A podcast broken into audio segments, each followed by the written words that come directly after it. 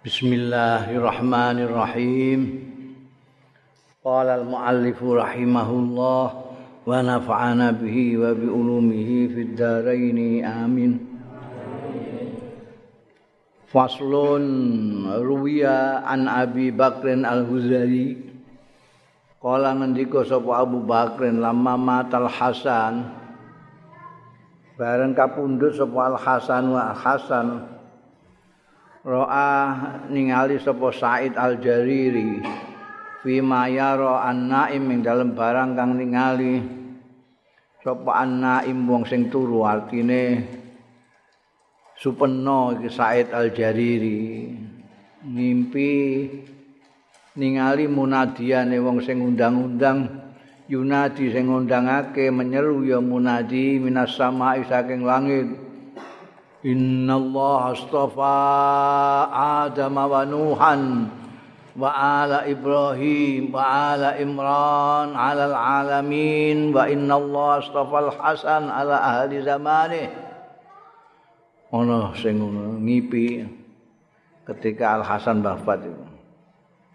Inna Allah asnune Gusti Allah iku istafa wis milih sapa Allah Adam ing Adam. Banuhan lan Nuh wa ala Ibrahim lan ali Ibrahim wa ali Imran lan keluarga Imran alal alamin.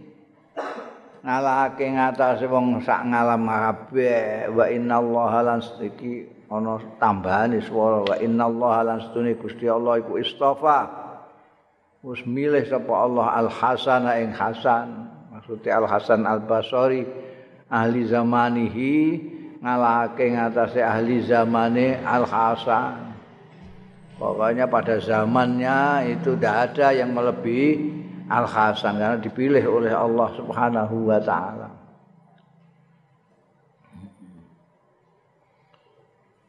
Maqala Al Hasan Yaqulullah azza wa jalla idza alimtu annal ghalib ala abdi atamassuk bi ta'ati manantu alaihi bil istighal bi wal inqata' ilayya.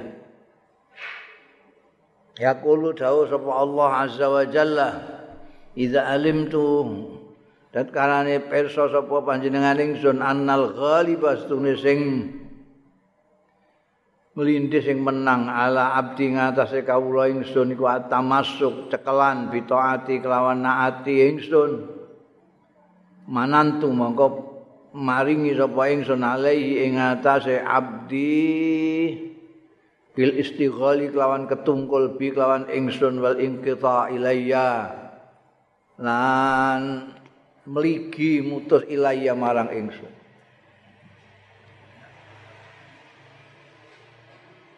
Jadi kalau orang itu kan macam-macam uripnya iku sing akeh, guyone apa seriuse, urusan dunyane apa urusan akhirate. Kalau yang lebih besar kadarnya itu adalah cekelan lawan ketaatan marang Gusti Allah, wayahe salat-salat, wayahe poso-poso sak teruse iku dianugerahi Gusti Allah ketungkul kelawan Gusti Allah. Ana wong sing ketungkule ning gone televisi, ketungkule ning gone HP, ketungkule ning gone iki ketungkul karo Gusti Allah taala. Apa-apa kelingan Gusti Allah. Al ingkita ilallah iku artine wis wis Gusti Allah terus lah. Liya-liyane gak penting, ini Gusti Allah. Iku anugerah Gusti Allah terhadap orang yang kebanyakan anunya itu tamasuk bitoah. Ini kue kok sebagian besar kehidupanmu itu tamasuk bitoatillah maka akan diberi anugerah istighal billah wal ingkita ilallah. Jadi apa namanya anugerah sesuai dengan kondisinya orang kondisinya kaulo itu ya. Wa qala al hasan lan ngendika sapa al hasan al basri la tatibu la ahadin. Orang rumangsa kepenak li ahadin tumnape wong suwiji al hayata ing kehidupan illa bil jannah kejaba ing dalam swarga ora penak kabeh urip ning dunya iki ora enak kabeh wis paling enak ya ning swarga gak ada yang enak iku ning dunya iki pancen ora panggonan enak umpama ana sing enak iku mok sak kelametan, sak kelametan. Sate iku enak.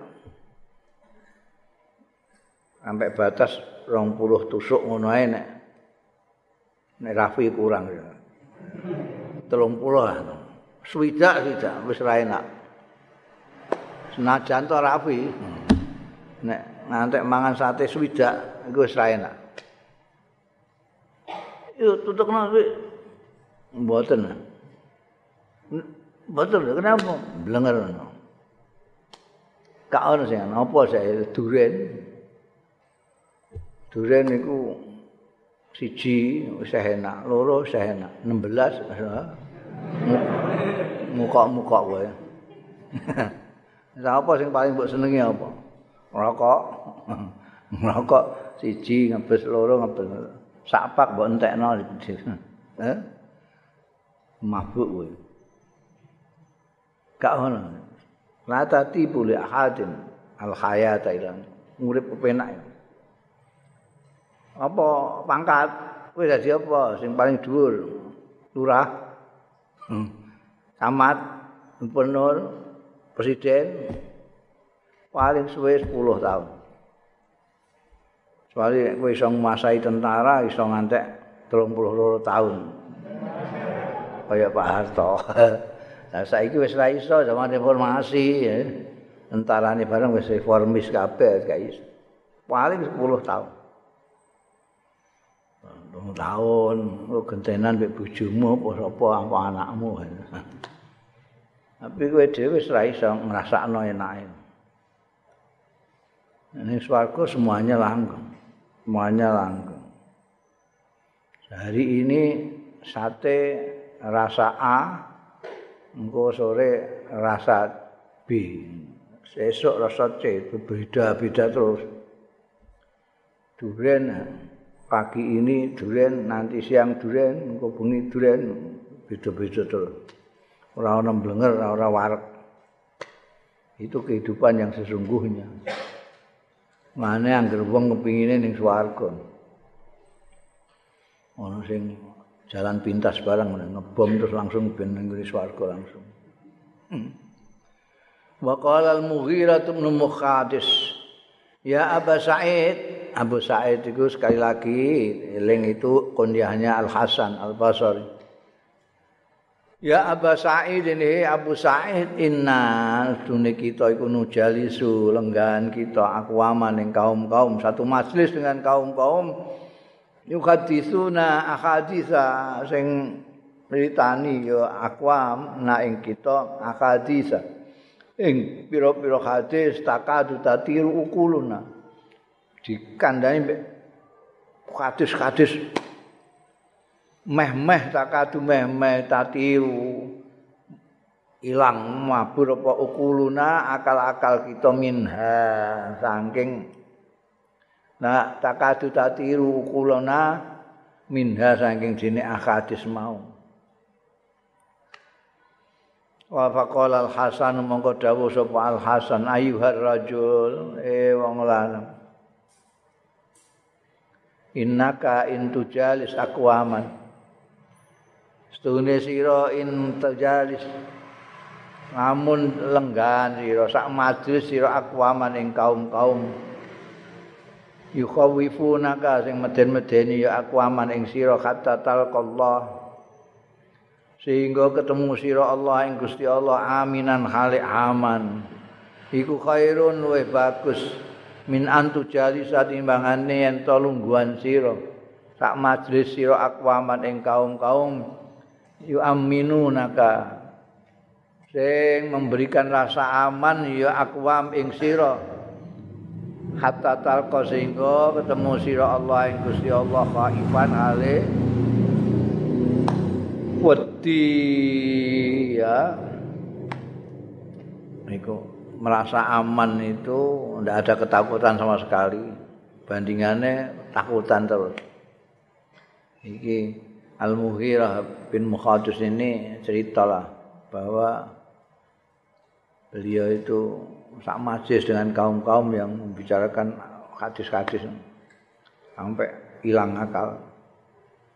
Main wedi terus didhawuhi kalau Al Hasan bin Nasri kowe iku nek lunggahan karo kaum sak majlis karo kaum-kaum sing meden-medeni ngono kuwi karo kowe.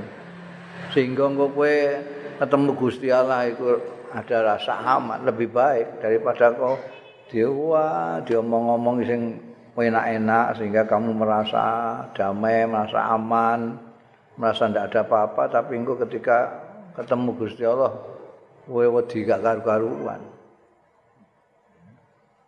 Apik ngono iku kowe diomongi nganti wedi nganti ilang akal nang wedine. Itu lebih bagus. Supaya kamu nanti kalau ketemu Gusti Allah wis tenang, bikol bin salim, ya. Wa qala Abu Ka'b bin Sahibul Harir Arab tu ngarepake sapa ingsun safaran ing lelungan fa ataitul Hasan mongko aku sowan al hasan ing hasan. Fakultu mongko matur sapa ingsun lahu marang al hasan ausini. Emeh lunga sowan kiai cara kene kan sowan al hasan. Ausini panjenengan wasiati kula.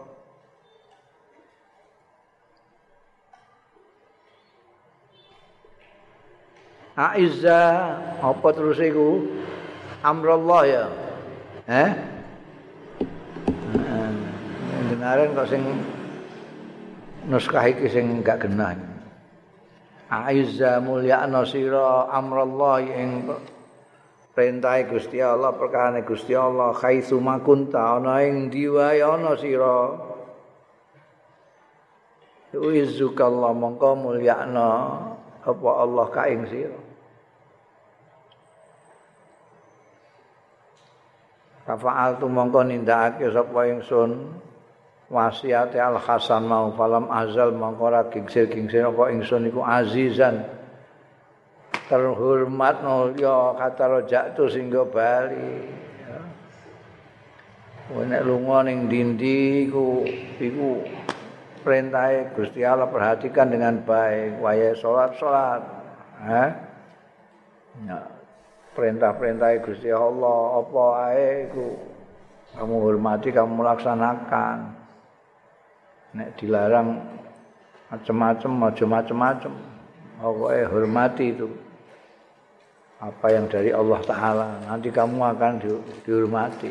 Ternyata tak lakoni tenan dawe Al Hasan bener aku ning dindi dimulyakno karo wong. Mereka aku mulyakno urusan Gusti Allah taala, perintah Gusti Allah taala. Wa qala al-Hasan an kdawu sapa al-Hasan al-Basri Inna rajula satune wong lanang layak malu yakti ngamal ya rajul bil hasanati kelawan amal sing bagus. Fatakunu mongko ana apa? Al-hasanah iku nuron dadi cahaya fi qalbihi ing dalem atine rajul wa kuwatan lan dadi kekuatan fi badani ing dalem badane wong. Wa innar rajulan sedune wong lanang layak amal yakti ngamal ya rajul bisayiati kelawan Allah. Fatakun mongko ana ya sayi'a ana iku zulmatan pepeteng fi qalbi ing dalem atine rajul wawahnan lan lemah fi badani dalam badane raja ya kamu coba nggak percaya nggak percaya itu. Kalau kamu amalmu baik itu kayak mendapatkan apa namanya uh, vitamin. Berarti ora terima vitamin terus jadi ninggone hati padang Kamu kalau selalu mengamalkan amal-amal yang baik, maka amal baik itu akan menjadi cahaya di dalam hati. dan memperkuat fisikmu. Itu kuat.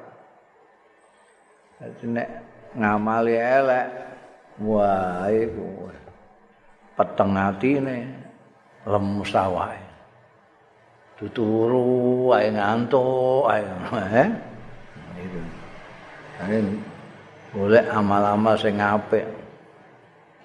Dan amal yang baik itu kan banyak sekali itu banyak sekali. Ana sing abot tapi ana sing enteng. Sing akeh iku enteng relatif enteng tapi pengaruhnya luar biasa. Takunu nuran fikal eh? Kuatan fil jasad kosok wang sule nek kowe ngamalmu elek peteng atimu. Awakmu lemes. Wa dakhala al hasan ala amr bin haisam.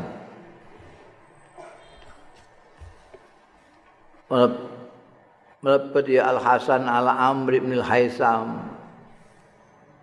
Dayah ya ala Amr bin Haisam. At-Tamimi Ya'uduhu nili'i sapa Al-Hasan ing Amr bin Al-Haisam Faja'ala mengko dadi sapa Al-Haisam iku yuqallibu aina. Ainaihi. Ya ainaihi ya. Barnun nama ya ainai. Hmm. Barnun terus ha. Oh, di pas siji ya kece jenenge. Yang bener ain ya nun ya. Itu kedua mata. Kowe mau sitok Pajak mau dadi ya hal haisam iku yuqallibu mulak malik ainai ing netra kali fi jawani bil bait ing dalam sekitar rumah jadi mripate rono rene ngubung ini kan kedua matanya padahal itu sakit ditili Al Hasan Ripate lagi ngono iku. Pakola mongko ngendika lahu marang Al Amr bin Al Haisam sapa Al Hasan Al Hasan. Ini aro katu kalibu ainai. Ini sedune ingsun iku aro kan ningali sapa ingsun ka ing sira iku tu kalibu molak malik sira ainaika. Iki ya ainaika apa? Ainaika. Ana ya. Ya mau dek ora. Hmm. ini kudu double mau ainai saiki ainai saiki ainai mau ya ainai ngono ora kok mau ain saiki ainai enggak enggak konsisten mau mripat siji kok saiki mripat loro ini araka tu kalibu ainai ka tak tinggal di sampean kok mripatmu mulak malik ngubeng Maka mongkon jawab sapa Amr bin Al Haisam, mataku lu ing apa takulu ngendika jenengan fi mi'ati alfin. Ing dalem 100.000 atau 1000. Nek dirham ngono ya pira 100.000 dinar. Hadza sunduk ing dalem iki peti. Lam tu adda minha zakatun. ora ditekake, ora dilaksanakan minha saking mi'ata alfin apa zakatun zakat. Semua akeh zakat belum dikeluarkan. Walam yusal lan ora disambung minha sang saking mi'ata alfin mau apa rahimun. Rahmun. Sanak rahman rahimun sana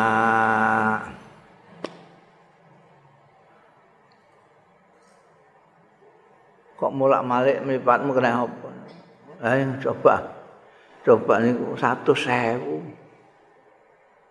niku di peti iki dalam keadaan sakit.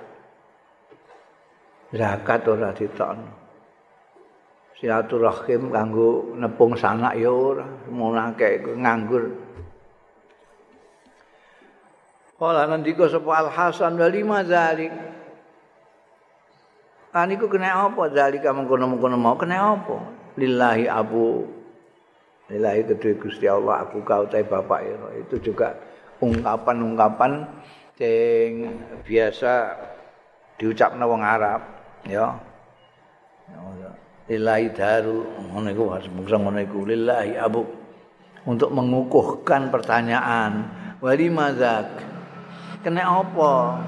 Kok ngantek semono akeh zakat ora metokno kanggo nepung sanak ya ora pung sanak iku sanak-sanak sing adoh-adoh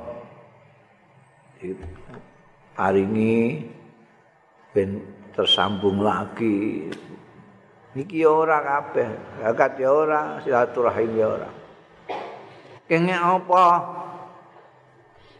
Didangu kalau Al Hasan jawab kala jawab sapa Amr bin Haisam. Liraatid zaman rono gemebiaring zaman. Wajah wati sultan. Lan kakune pemerintah sultan itu. Sultan lah sultan itu. Saiki ya presiden pemerintah. Wa mukanazatil asira an apa jenengane? Mukanaza itu seneng nyimpene keluarga.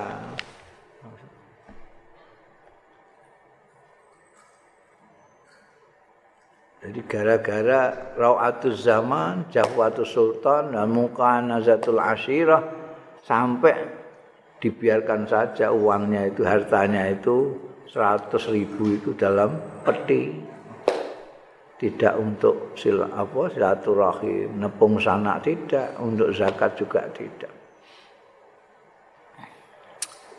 Falam makan al ghad mongko bareng ana apa al ghadu sesuke da al hasan nimbali sapa al hasan ila dui. Mestine ana titik loro ku ya. Eh? Gak ono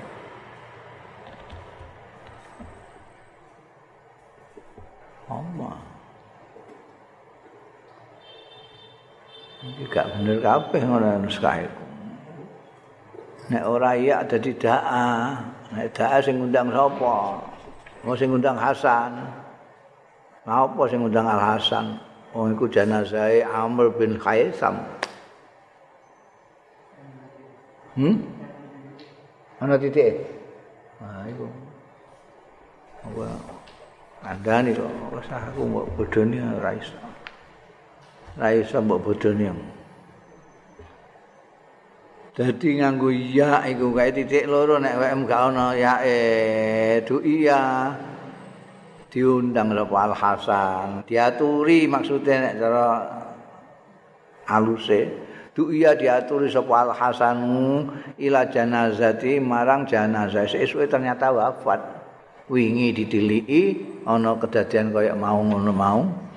Sesuke Al Hasan diaturi ila janazati marang jenazah Amr bin Haisa.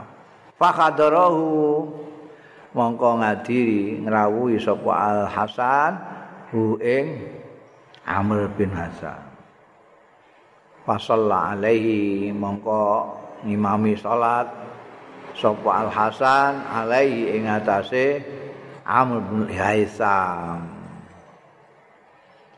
Nek muni sallallahu alaihi itu tokoh mengata dikatakan salat itu berarti ngimami. Nek sing salat ya akeh. Fasal alaihi. Ya saya sebutkan fasal alaihi amiruhu fasal alaihi.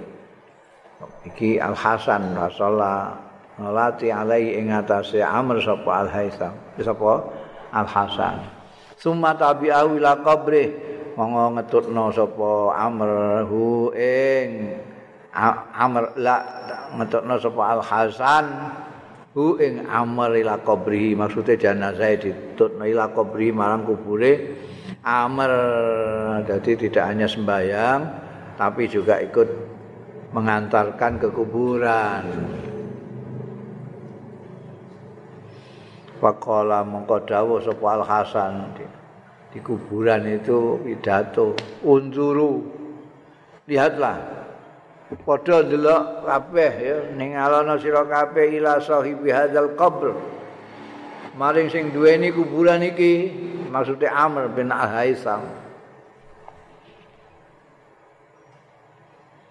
anna atahu syaitanuhu kapan atau nekani ing sahibu hadzal qabri? Sapa syaitanu? Syaitane. Sahibu hadzal qabri.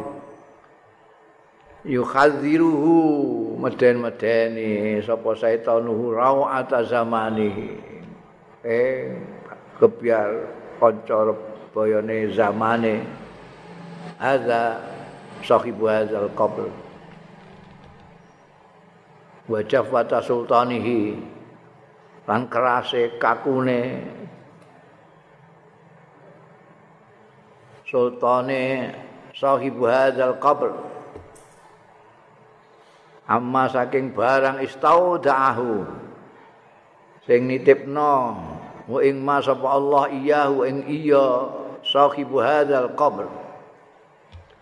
Wastar'ahu fihi lan jaga amrih jaga apa Allah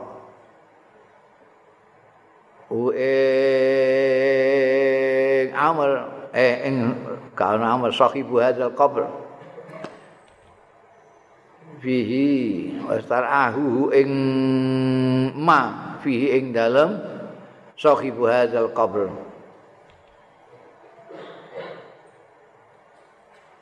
Summa kharaja. Mongko metu sapa sahibu hadzal qabr minhu saking mastaudahullahu iyahu saliban tanpa apa-apa.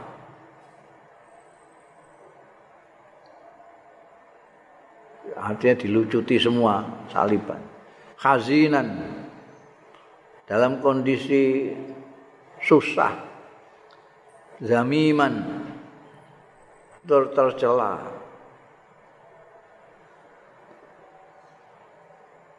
di TV itu dengan alasan macam-macam ro'atus zaman lah jafatus sultan lah. Yang intinya dia diberi Allah Ta'ala harta benda itu tidak dikeluarkan untuk kepentingan-kepentingan yang sebenarnya.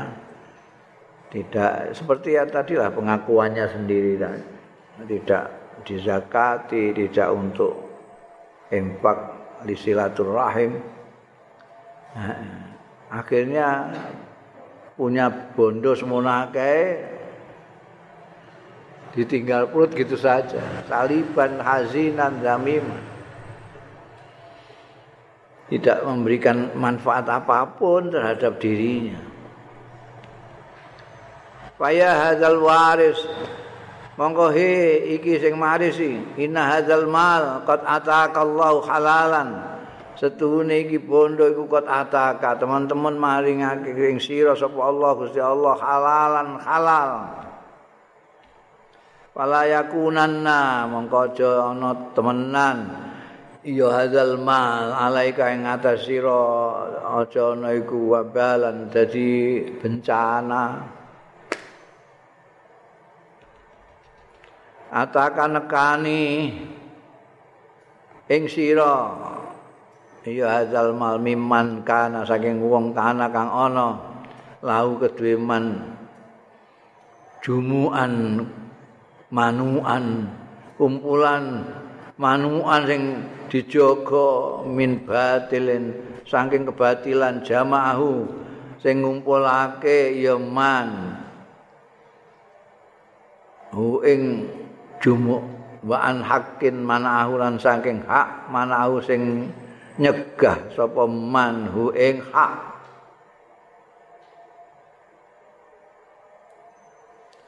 Roki babi numpak sapa man bihi lawan hartane mau. Lu jajal bihar ing gelombang-gelombang lautan wa mafawizal kifar lan tempat-tempat yang lengang al kofar sama saja mafawis al kofar Jadi ada padang terbuka yang lengang. Jamaah ngumpulake. Sapa man hu ing hadzal mal fa'ahu mongko madai sapa man ha ing hadzal mal. Wasaddahu lan naleni sapa man hu ing hadzal mal fa'auqahu mongko naleni wah kenceng ditaleni kenceng. Syekh didosok ning gone sunduk sisan ning gone peti. Fa'aukahu mongko naleni sapa man hu ing hadzal mal sok kantong tualene cara saiki sok koper kunci ala eling-eling. Inna asaddan nasi khasratan. Setuhune luwih nemen-nemene menungso. Apane hasratan kecewane rugine. Yaumal kiamat ana ing dina kiamat iku rajulun wong lanang. Atahu sing maringi ing rajul sapa Allah Gusti Allah. Maringi malan ing bondo. Fabakhila mongko cetil sapa man bi kelawan malan. Amma saking barang amarahullah sing merintahake ing rajul sapa Allah Gusti Allah fi ing dalem malan. Sing maringi bondo iku Gusti Allah. Barang diparingi pirang-pirang diutus ke Gusti Allah diperintah Gusti Allah kan ngetokno sithik ngono ora gelem. Akhir pawarasah mongko marisi. Ing rajul bakdau sakwise rajul mati. Apa warisun waris?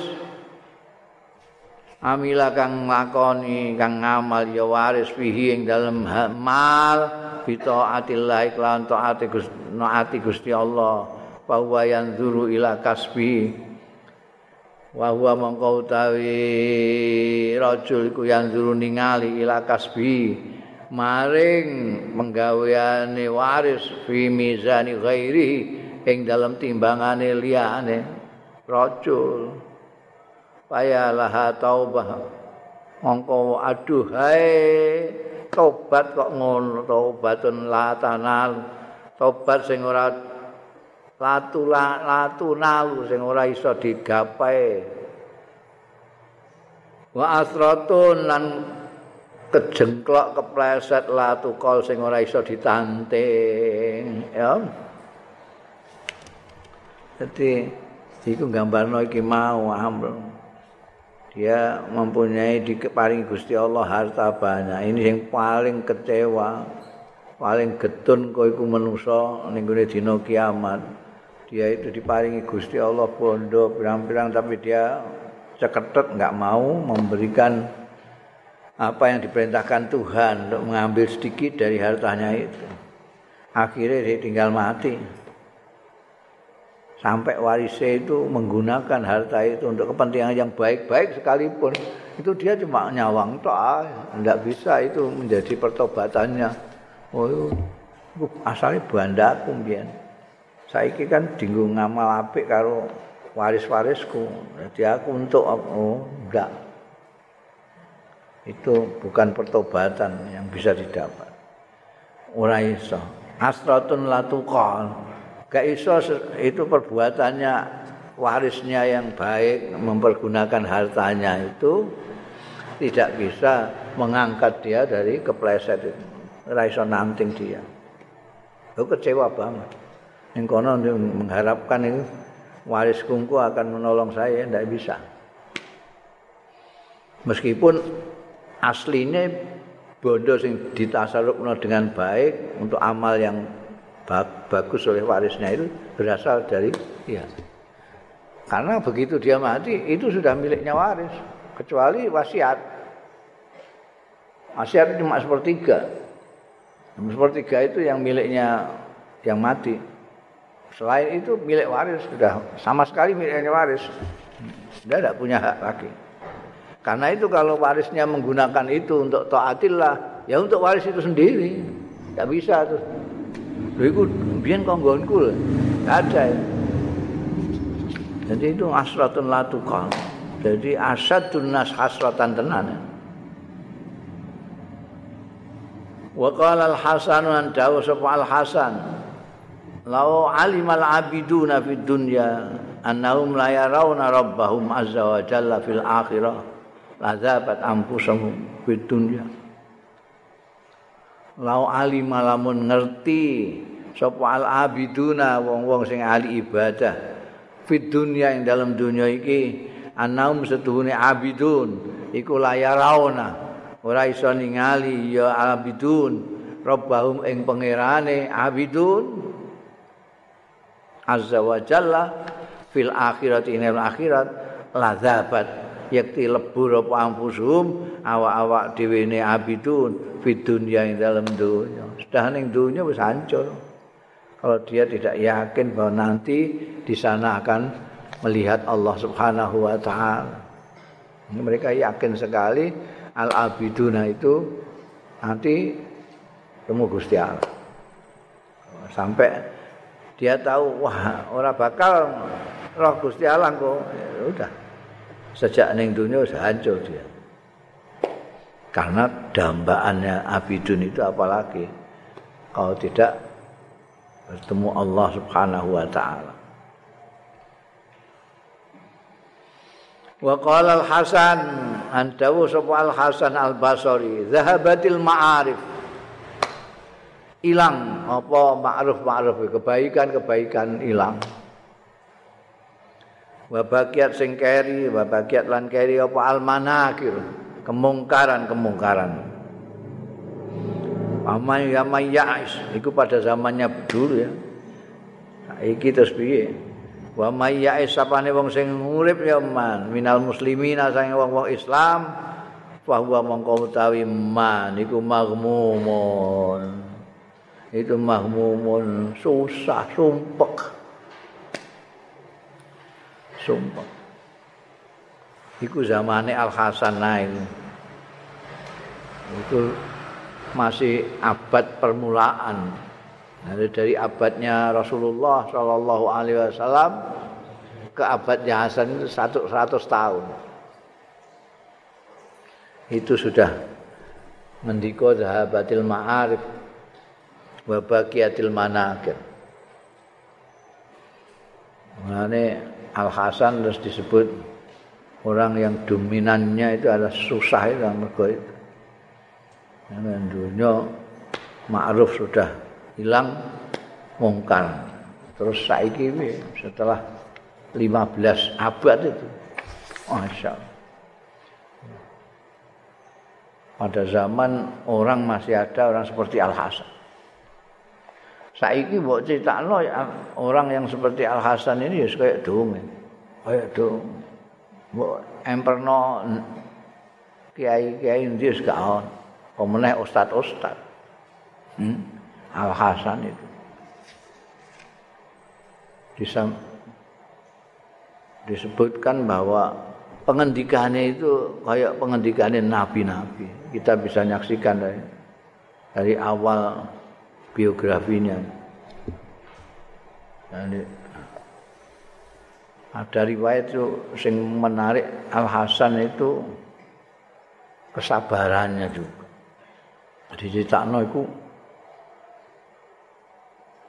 beliau itu tinggal sini baitnya beliau, sini ada baitnya orang yang yang non muslim lah. Yahudi atau Nasrani. Jadi di saat rumah itu saya katakan bolak-balik kan. Ada dar, rumahnya banyak, itu namanya bait, bait, bait, bait.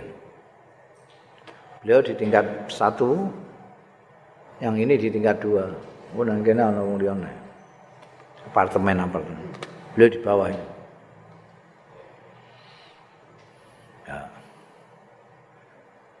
waktu waktu suatu ketika Al Hasan ini gerah. Terus ditiliki mek tanggane sing iki mau non muslim. Diteliti piye kabare bae. Terus sing cilik iki roh ning kono ana ember ning sandi peturane Al Hasan. Ember yang netes-netes bocoran dari ember. Delok ning dhuwur. Dhuwur iku kok pas karo jedinge ndikne. Mbembo takon, iki apa iku anane? Iki tak nggo nadai iku lho. Bocoran kon dhuwur iku. Engko nek wis kebek tak buak, tak balik nurun neh. Mergo iku terus kotos-kotos terus. Iki wis pirang dino. Ya mulai aku ning kene ya kira-kira 30 tahun. Oh iku langsung wong iki mau mah. Gak komplain, gak apa. Gak ngondani aku ya. Ono wong koyo ngene api. Oke, menurut riwayat iki mau terus langsung di depannya Al Hasan syahadat. kagum dengan perilaku kok sampai segitu. Iku menjogo menghormati jar karena daunnya kandung Nabi ayuk minu billahi al yaumil akhir fal yukrim jarahu termasuk sampai se ekstrim itu memuliakan tetangga itu. Jadi iza tetangga sekalipun diterima. Karena dia yakin bahwa itu tidak disengaja mesti nggak tahu. Benar memang nggak tahu. Nggak tahu kan mesti digumpeti ya. Bundel sekarang zikru Humaid bin Hilal al-Adawi radhiyallahu anhu.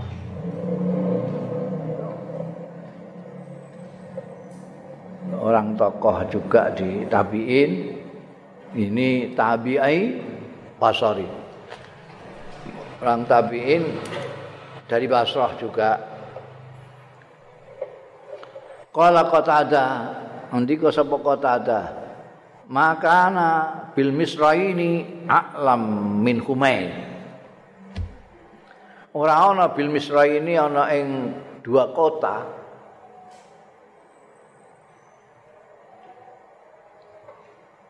Ora ana iku bil misra ini ana ing dua kota.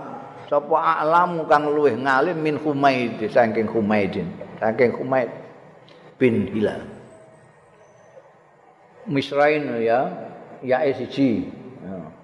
Nek ya ya loro Misriyin wong Mesir itu. Iki Misrain dua kota itu maksudnya ya tidak lain Kufah sampai Basrah itu kota yang paling terkenal di Irak pada waktu itu adalah Basrah dan Kufah. Jadi kalau ada yang mengatakan Misrain, Misrani, itu artinya dua kota itu adalah Kufah dan Basrah. Di situ sama-sama banyak ulama-ulamanya. Di sini ada mazhab Basrah, ada mazhab Kufah. Jadi orang-orang itu dulu di Medina, kemudian ke Syam, kemudian terakhir Kufah dan Basrah itu sehingga mereka menetap di situ. Menurut kota ada di Basrah maupun di Kufah itu tidak ada yang mbok goleki gak ana sing luwih ngalim timbangane Humaid. Bahkan Mas Tasna Al Hasan ora meng Tasna ana titike nisare apa gak? Gak ono. Ya Mas Tasna iki ana titike. Nek titike Ustusnia. Nek Ustusnia Al Hasan mbok waca apa? Mastusni Al Hasan wala Muhammad. Nek iku ora ana titik ing isor Mastasna Al Hasana wala Muhammadan. Ya, ana alife. Lho. Kok mantuk-mantuk kowe. Ya ora iso, gak cocok. Nek mastasna iku rujuke istasna faile ning gone kota ada.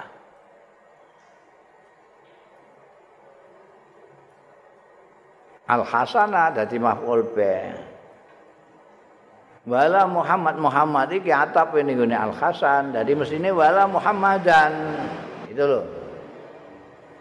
Iki dunungno anune Eropa dhisik ben kowe ngerti paham bahasa Arab itu kan kudu ngerti nahwune. Ya. Nek mbok wekmu iku mau ora ana titik ngisor berarti mastasna. Ora mengecualikan sapa kota ada. Tapi wekku iki ana titike berarti mastusnia.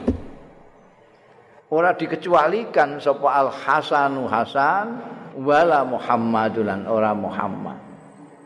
Ini tokoh lain Muhammad dengan Al Hasan. Kita tahu Al Hasan siapa lagi? Kalau disebutkan Al Hasan pakai al itu tidak lain adalah Hasan Al Basri. Tokoh yang baru saja kita bicarakan selama ini. Itu tidak dikecualikan. Apa bedanya ustusnia mbak istasna? Bedanya ini di majhul kalau ustusnia. Berarti bukan kota ada yang kan, siap bisa saja pemahaman orang terhadap dawuhnya kota ada maka Nabil Misra ini a'lam min Humaid berarti kan dikecualikan Al Hasan bin Muhammad. Nanti kita akan bicarakan Muhammad. Tapi ini Al Hasan tokoh yang baru kita bicarakan itu tokoh besar. Berarti itu masih masih kalah dengan Humaid. Kalau Ustus Mastus Nia. Kecuali kalau itu paling ngalim-ngalimnya Bil Misrain kecuali Hasan. Nah, itu. Itu yang lain. Humaid itu yuzakiru mengingatkan ya Humaid wala yus'alu lan rasah diminta tidak usah minta dia mengingatkan kita. Nek saiki mengingatkan itu kan dipandang sebagai negatif. Kalau dulu itu mengingatkan itu suatu kebaikan. Karena keyakinan orang, orang yang mengingatkan orang lain itu berarti menyintai orang lain, menyayangi orang lain. Sekarang kan enggak. Orang diingatkan ngamuk-ngamuk. Dulu diingatkan suka sekali. Oh ya, masih ada yang ingat. Alhamdulillah. Sayyidina Umar saja diingatkan di depan publik oleh seorang perempuan itu wah matur nuwun setengah mati. Anak suka yuzakir. Ini Humaid ini yuzakir wala yus'al. Tanpa diminta itu sudah mau mengingatkan orang. Wa in innama ya'tazil fi makanan yang pestine menyendiri sapa humet fi makanin ing dalam suatu tempat. Dia mesu diri sendirian.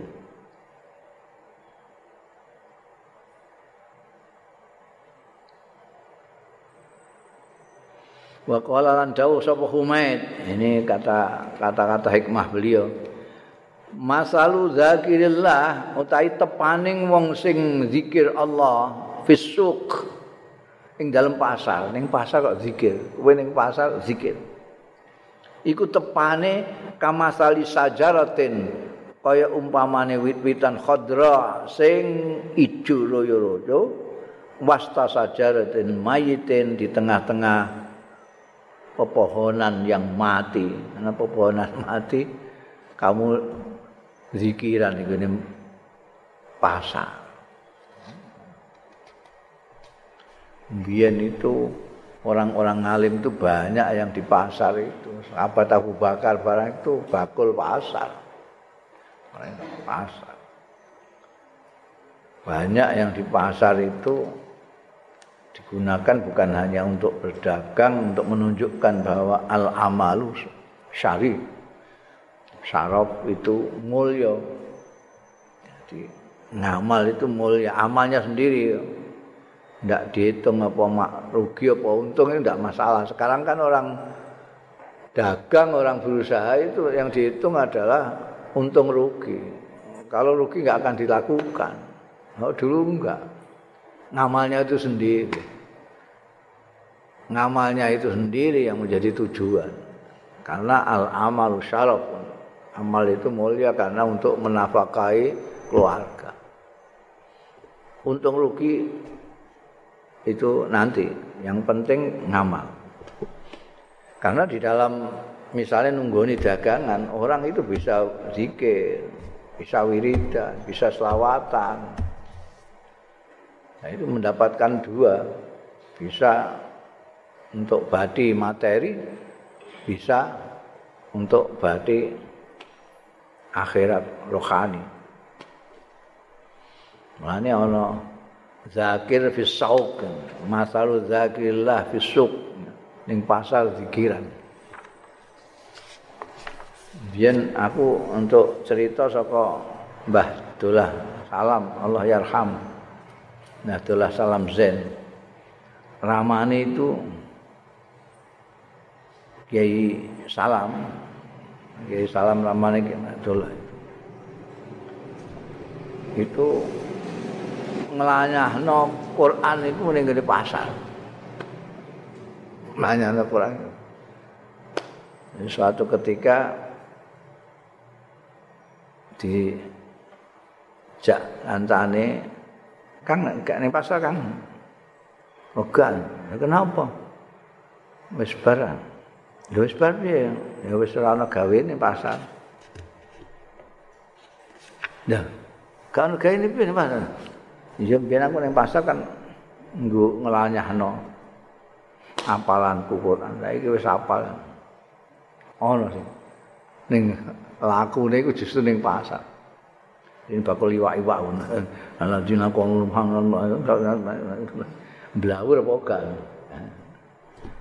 Ning kene untuk apa ngetes nguji blawur apa ora iku apal-apalan malam Jumat itu. Afiyah mriti ku. Nek ora apal tenan blawur. Kene ngapal nabi aku ono imriti. Terus rono. Sing rono rene ngono. Iki ning di pasar bakul liwak. Wah itu ngibarate menurut metaforane Humaid bin Hilal iku padha karo pohon Nek sajar itu satu pohon, nek sajar beberapa pohon. Padha karo wingi ki ana ibil ana honam segala macam itu. Ana faros ambekan khail, khail jaran pirang-pirang nek faros siji.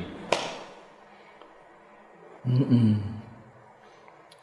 Unda zikru khisan Ibn Abi Sinan tabi'i basari. Radiyallahu anhu. Hasan bin Abi Sinan ini seorang tabi'i dan basri dari Basrah juga. Tokoh-tokoh Basrah banyak ya. Kala ngendika sapa Hasan bin Abi Sinan, "Ma aisaral wala." Waduh. Dene gampang temen op warok kuwi. Warok jane gampang banget. Idza robani, piye kok gampang? Idza robani syai'un wis tak jajal kok. Idza robani tatkalane gawe ragu-ragu ingsun apa syai'un suwi-wiji. Wasakaktu lan mamang sapa ingsun fihi ing dalem syai' tarak tuhu. Mau tinggal sapa ingsun ing syai'. Wis mulai sederhana sekali. Warok itu sebetulnya sederhana. menurut beliau, menurut gue ya mbah. Menurut beliau itu gampang sekali. Alangkah gampangnya jadi ma'ai salal warok. Itu artinya gampang banget. Seperti gampangnya seperti. Angger sesuatu kok aku ragu, tak tinggal ngono ae wis. Iki pakanan iki kala ta ora, ora nek ragu-ragu ora ngono. Aku kok mamang ora. Ya semudah itu. Semudah itu, warok itu sebetulnya itu. Sing marakno ora gampang saiki itu kan orang ada tamak dulu. Ini kepengen ada sesuatu yang meragukan. Ragu-ragu terus ditindas saja. Ah, seorang, seorang. Sikat dhisik engko gampang urusan belakangan.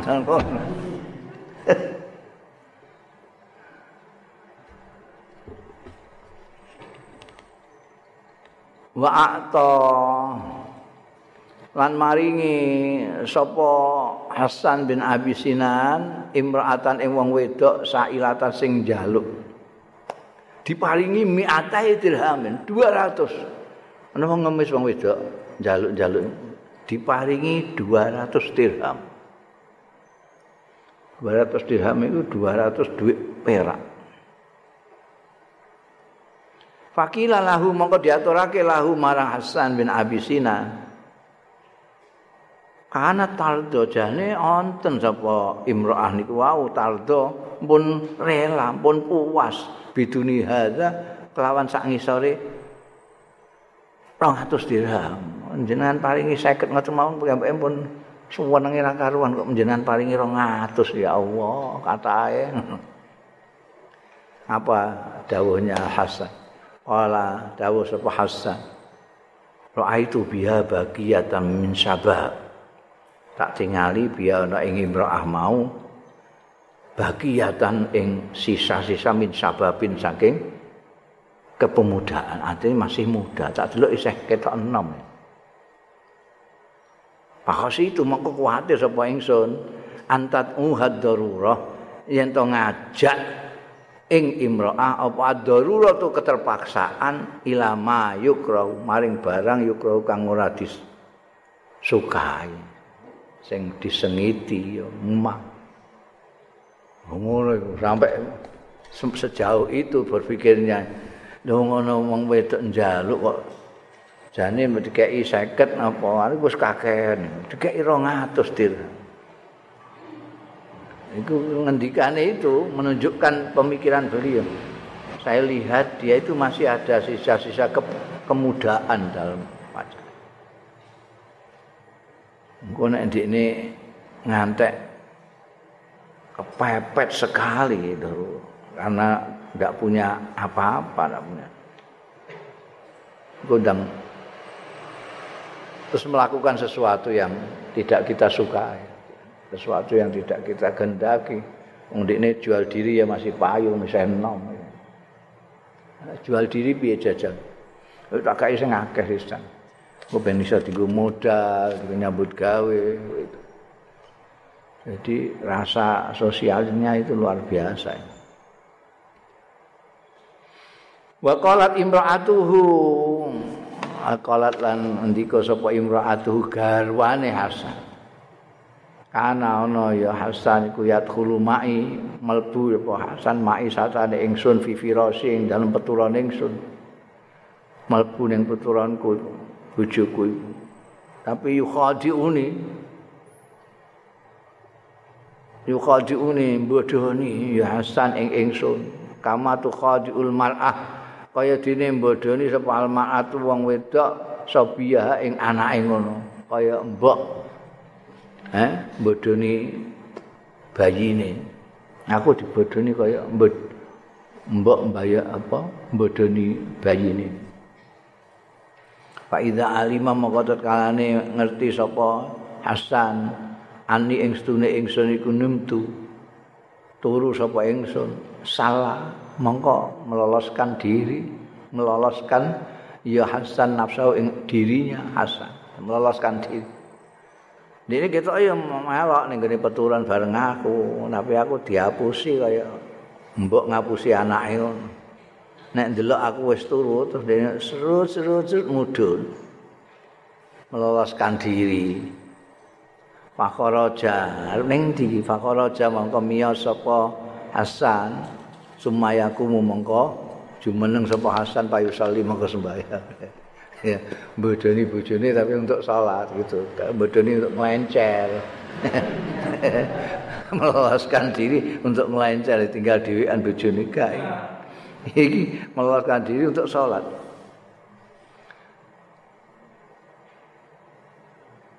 Fakultu mongko matur sapa ingsun. Urfuk binafsika. Mbok inggih sing nyakake jenengan binafsika kelawan awak jenengan. Tiang kok semboyang sembayang mawon kam pira wae tu azibuha nyiksa jenengan ha ing nafsika.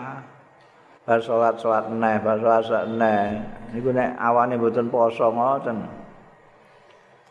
Kala ngendika sapa? Hasan uskuti meneng wae hakit silaka sira wae hakit itu juga apa namanya? Pisau tapi pisau sayang pisau sayang. Ya wae haki nek wail niku sing sing misah tenanan iki wae haki ah wae iku. Payusiku meh wae silok engkas ora suwe. An arkuda yen to turu sapa ingsun rok datan ing turu. La aku sing ora bakal ngadeg meneh mindah saking rokdah ba'da zaman. Ba'da apa apa ba'da zaman ana sing liyane apa?